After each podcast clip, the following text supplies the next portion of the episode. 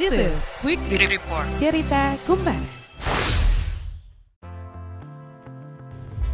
Halo pendengar cerita kumparan, kembali lagi bersama saya Gulam Muhammad Nayazri di RMA Indonesia Media Gathering Event yang diadakan di Jeep Station Indonesia Resort Bogor. Kali ini RMA Indonesia memberikan gebrakan baru di industri otomotif Indonesia. Mereka memperkenalkan merek baru Mahindra asal India yang akan mencoba peruntungannya di industri dalam negeri. Mungkin nama Mahindra sedikit asing di telinga, tapi merek mobil asal India ini sudah bukan pemain baru lagi. Di negara asalnya Mahindra merupakan merek mobil terbesar ketiga dan sudah mengekspor produknya ke Eropa, Afrika Utara, Amerika, dan juga Australia. Nah, di sini mereka menggandeng RMA Indonesia yang sebelumnya sudah mengurusi urusan after sales dan service Ford Indonesia. Pada kehadiran pertamanya ini di Indonesia, Mahindra memperkenalkan produk perdana mereka yaitu Mahindra Scorpio Pickup yang akan menantang model-model seperti Toyota Hilux dan Mitsubishi Triton. Nah, emang segmen ini akan menyasar perusahaan-perusahaan fleet seperti pertambangan, pertanian atau perkebunan. Merek satu ini memang sudah cukup terkenal di segmen komersial dan SUV. Bila dilihat, spesifikasinya cukup mumpuni. Mahindra Scorpio Pickup punya mesin diesel 2,2 liter yang tenaganya bisa mencapai 140 daya kuda dan torsinya di 320 Nm.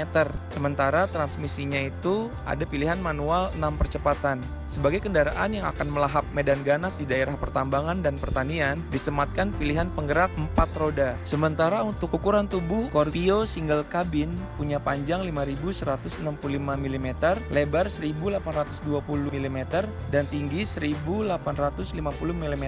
Sementara untuk kabin ganda punya panjang 5155 mm, lebar 1815 mm, dan tinggi 1940 mm.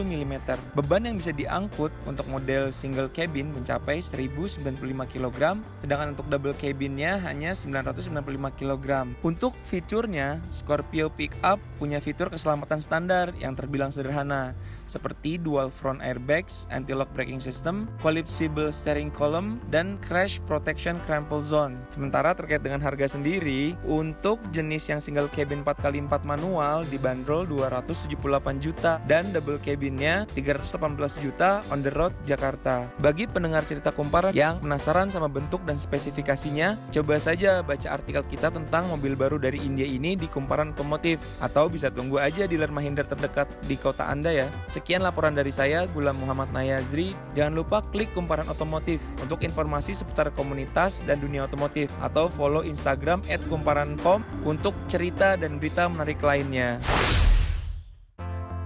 Sekian dulu podcast kali ini. Terima kasih telah mendengarkan podcast Cerita Kumpar. Bye now.